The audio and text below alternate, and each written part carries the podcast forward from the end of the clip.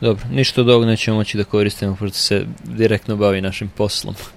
Tako da... Aha, misliš da je zaštićeno intelektualno? Intel, intelektualna svojina, da.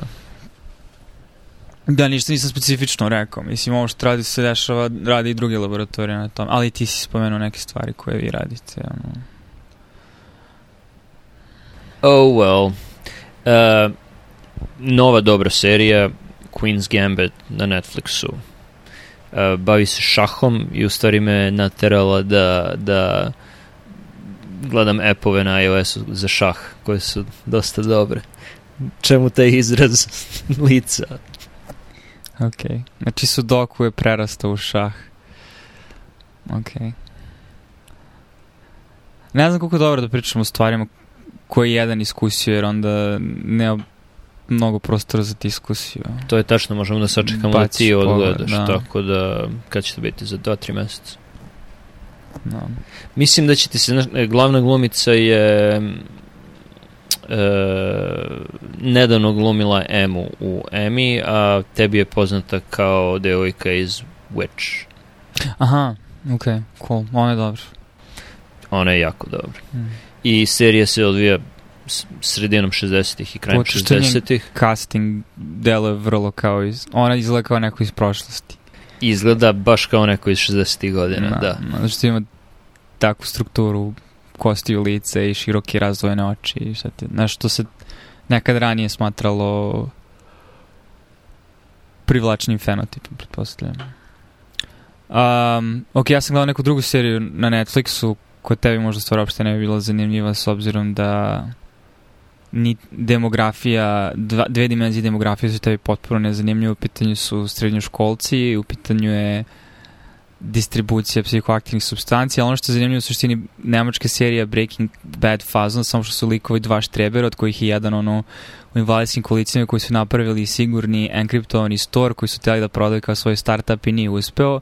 Lik je igrom slučaja završio sa kesom punom ekstaze, nisu kao, znali kako da distribuiraju, onda su podigli sajt na Darknetu i počeli da distribuiraju i bukvalno iz svoje sobe diluju na Darknet. Zvuči kao nešto što bih baš mogao da gledam. T je, od tri stvari jedna je tebe zanimljiva, to je verovatno Darknet i, i ovaj, taj, taj čitav tehnički aspekt. Dobro je snimljena, dobro je, um, vrlo dobro To je dobar montaž. snimak je veliki problem, montaža je veliki problem. Pre 20-30 godina, kada nije bilo kvalitetnih digitalnih kamera i kada su specijalni efekti dobri bili skupi, uh, ako je neko imao para za dobru kameru, dobru montažu, onda, li su, onda su imali pare i za dobar scenario, i za dobre glumce, i za više vežbanja. Sada je toliko pala cena dobre kamere, da je sve HDR, sve je snimano dronom iz daleka i ima kontinuirane snimke, tako da to više ne može biti heuristika. Ok, dobro je snimano, tako da je veća šansa da, da će ostatak biti dobar.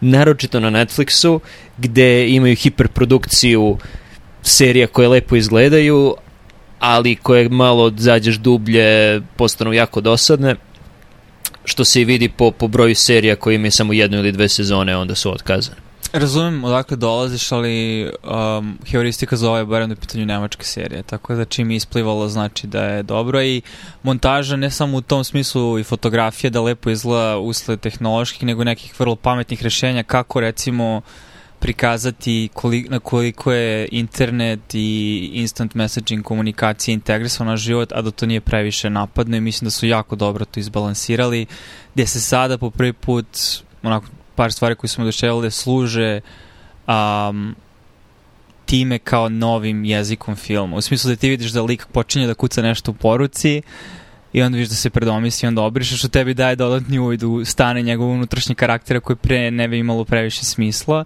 Tako da slažem se sa tobom da je sada lakše nego ikada napraviti nešto što dobro izgleda, ali nije dobro, ali mislim da uprkos tome su barem u tom smislu uspeli da naprave nešto novo i zanimljivo, ali da, mislim da zbog demografije tebe vjerojatno ne bilo zanimljivo, da su ipak u pitanju srednjoškolci sa svom adolescenskom anksioznošću i itd. itd. A ti si toliko bliži srednjoškolcima da, da je, je tebi tematika bliža? Ne, ali znam kada smo bili u situaciji da konzumiramo medije da ti nisi bio baš prijemčiv ka, za, za, za to da gledamo stvari koje se bave tinejdžerima. To je tačno. Da. Uh, da, da li to znači da neka dobra, da je neka srpska serija sa dobrom kamerom i montažom uh, indikator kvaliteta ostalih karakteristika? Hmm. Pa možda i da i ne, zato što Senke nad Balkanom nisu loše, a im, imaju dobru produkciju. Možda u Srbiji, zato što je u Srbiji dalje te stvari nisu toliko jeftine i dalje ta heuristika donekle može da služi, zato što ako si skupio pare da imaš dobru produkciju, trebalo bi da imaš i dobar scenariju i glum. Ali generalno srpska kinematografija je vrlo usahla i nezanimljiva, nažalost. Kako znaš, jesi li gledao nešto? Pa gledali smo, mislim, skoro, mislim, kind, ok, u smislu serija. Ja smo gledali ono Ubice moga oca, ono. Mislim, ok, serija, ali nije ništa fenomenalno. Svetla tačka, opet dodatni argument tome da ti nisi previše raspoložen u pitanju demografije koja je nešto starija, ali u kojoj smo ogledali nekoliko epizoda i nismo dalje išli je Jutro će promeniti sve, za koje mislim da je fenomenalna serija. To je odlično, to slažem se, da. Ali to mi se nismo svidelo. završili nikada tu seriju. Mislim, ja E. sam završio sam, ali... Zato što Da. ti njihove priče nisu toliko zanimljive. Nisu bez- zanimljive, Pa to ti da. kažem. Dobro, malo je, i to, to je donekle tvo... njihove priče zahvatio tvoju generaciju ljudi koji su ostali u Srbiji.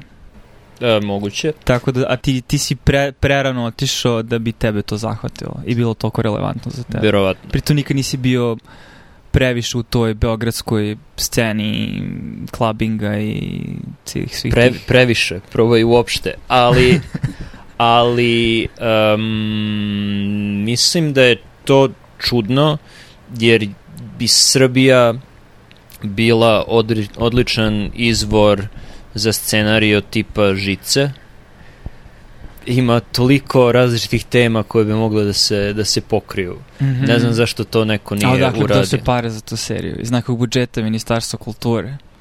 Odakle su došle pare? Znači, Ministarstvo kulture je platilo Senke nad Balkanom. Mislim da jeste, da onak na RTS-u je bilo. Pa dobro, mogu da, ok, ok, neka naprave tu seriju, ali se odvija, ne znam, 2006. To bi Ministarstvo kultu, za kulturu sigurno platilo, Pa to vam ti pričam, znači koliko je u interesu... ali nije bitno, mislim, to su univerzalne istine. To, to je, nije, bitno koji je u ovoj poziciji, onoj poziciji. Hmm. Da, ali isto je pitanje, znači da li u Srbiji postoji kontinuirani odliv kritične mase ljudi koji bi mogli da napravi nešto, jer za razliku od recimo muzike, koja opet mislim da scena dosta u Srbiji zadnjih deset godina je, e, se suzila, um, gde ti neophodno nekoliko kreativnih ljudi za poduhvat kao što je film ili serija, ti zaista treba dosta ljudi i dosta kvalitetnih ljudi, svako koji zna šta treba da radi, od montažera preko neko se bavio sve- svetlom, preko inženjera zvuka pa do reditelja i glumaca, ali ako ti imaš konstantan odliv kritične mase, nikada se ne napravi takva ekipa. I druga stvar, ono što mislim da bi odgovaralo generaciji X u Srbiji, a to je u principu izgubljena generacija ljudi u Srbiji koji su ono svoje najlepše godine i mladosti imali 90-ih nekako mi, ne, baš ko, koliko glumačkih imena ti, možda, možda ovo je naravno možda sad baje zato što mi nismo u Srbiji zato što ne pratimo lokalnu scenu toliko, ali koliko zaista glumačkih imena sada imaš a da su velika, a da nisu ljudi koji su bili veliki pre 10 godina. Tako da možda će morati tek novi talas da dođe novi glumaca i režisera i scenarista koji će dovesti do neke renesanse. Pa dobro, ali sad si spomenuo dobru seriju, jutro će promeniti sve, oni su mlađa ekipa, ali oni mladi. su, da, ali oni su ta mlađa ekipa. Da, A, oni misliš nisu ova generacija Oni, nisu, oni nemaju između 35 i 45 godina. I, uh, ok. Ok, sad mora da pazim šta pričam jer su neki od ovih ljudi umrli. Dugalić je još uvijek živ. On je ta generacija. Ja mislim da on pripada toj starijoj generaciji. Dugalić, on je Gen X, čini mi se. On je rođen vjerojatno Jezdić, 60-ih. Jezdić, Jezdić jeste ta generacija.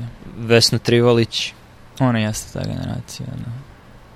Ali oni su Nataša snimali... Ninković. Ali oni su snimili skoro sve najbolje stvari početkom 90-ih sa Srđanom Kad Dragojevićem. su bili mladi, pa sad su ta generacija.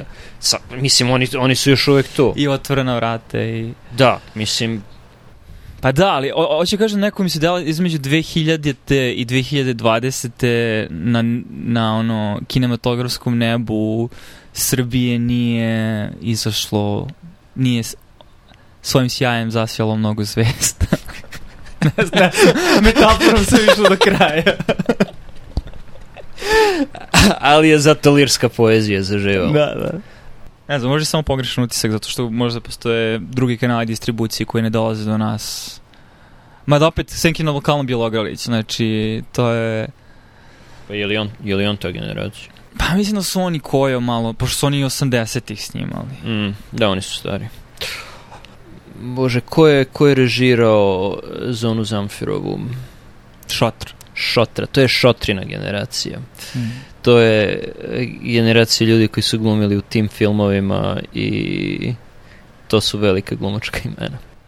Da, zanimljivo kako su, bar što se muzike tiče 90. na prostoru Exiju bile vrlo produktivne, u velikoj meri ljudi su tu pripisivali ekonomskoj situaciji Teskobi kao jedan kanal, ali ako hoćeš da uporediš situaciju sada u Srbiji, sa tada vrlo, relativno su uporedive, ali nekako ne znam, možda tek treba da krene neka nova energija. Pa, dve stvari. Mislim da si u 90-ih imao uh, barijeru, znači ljudi su ostajali 90-ih u Srbiji, nisu imali toliko šanse da. da, da odu i da rade nešto drugo negde drugde tako da je bila veća koncentracija ljudi baš u Srbiji, nisu čak išli ni po XU, po, po Evropi, nego su baš ostali u Srbiji. E, I imali su, otkud znam, e, možda su se čak i, i, i manje plašili uh, opresije režima koji je bio relativno popustljiv uh, po pitanjima kulture, pošto je Ministarstvo kulture finansiralo Lepo sela, Lepo gore, Rane i ostalo, što je fascinantno. Ne mogu da zamislim da se takav film sada sponzoriše od strane države. Tako da je tu bila, znači to sa jedne strane, a sa druge strane sada ko ima malo više talenta, malo manje strpljenja za politiku i, i strančarenje, on će napustiti zemlju. Na, znači, učvršćujemo argumentaciju da kritična masa u Srbiji ne može da se formira u mnogim sferama zbog od, konstantnog odliva mozga. Nije da ne postoje mladi talentovani ljudi, već kada oni postanu dovoljno svesni i, i u poziciji da budu produktivni, oni tu produktivnost ostvaruju negde drugde. Da. Jesi siguran da pričaš o muzici?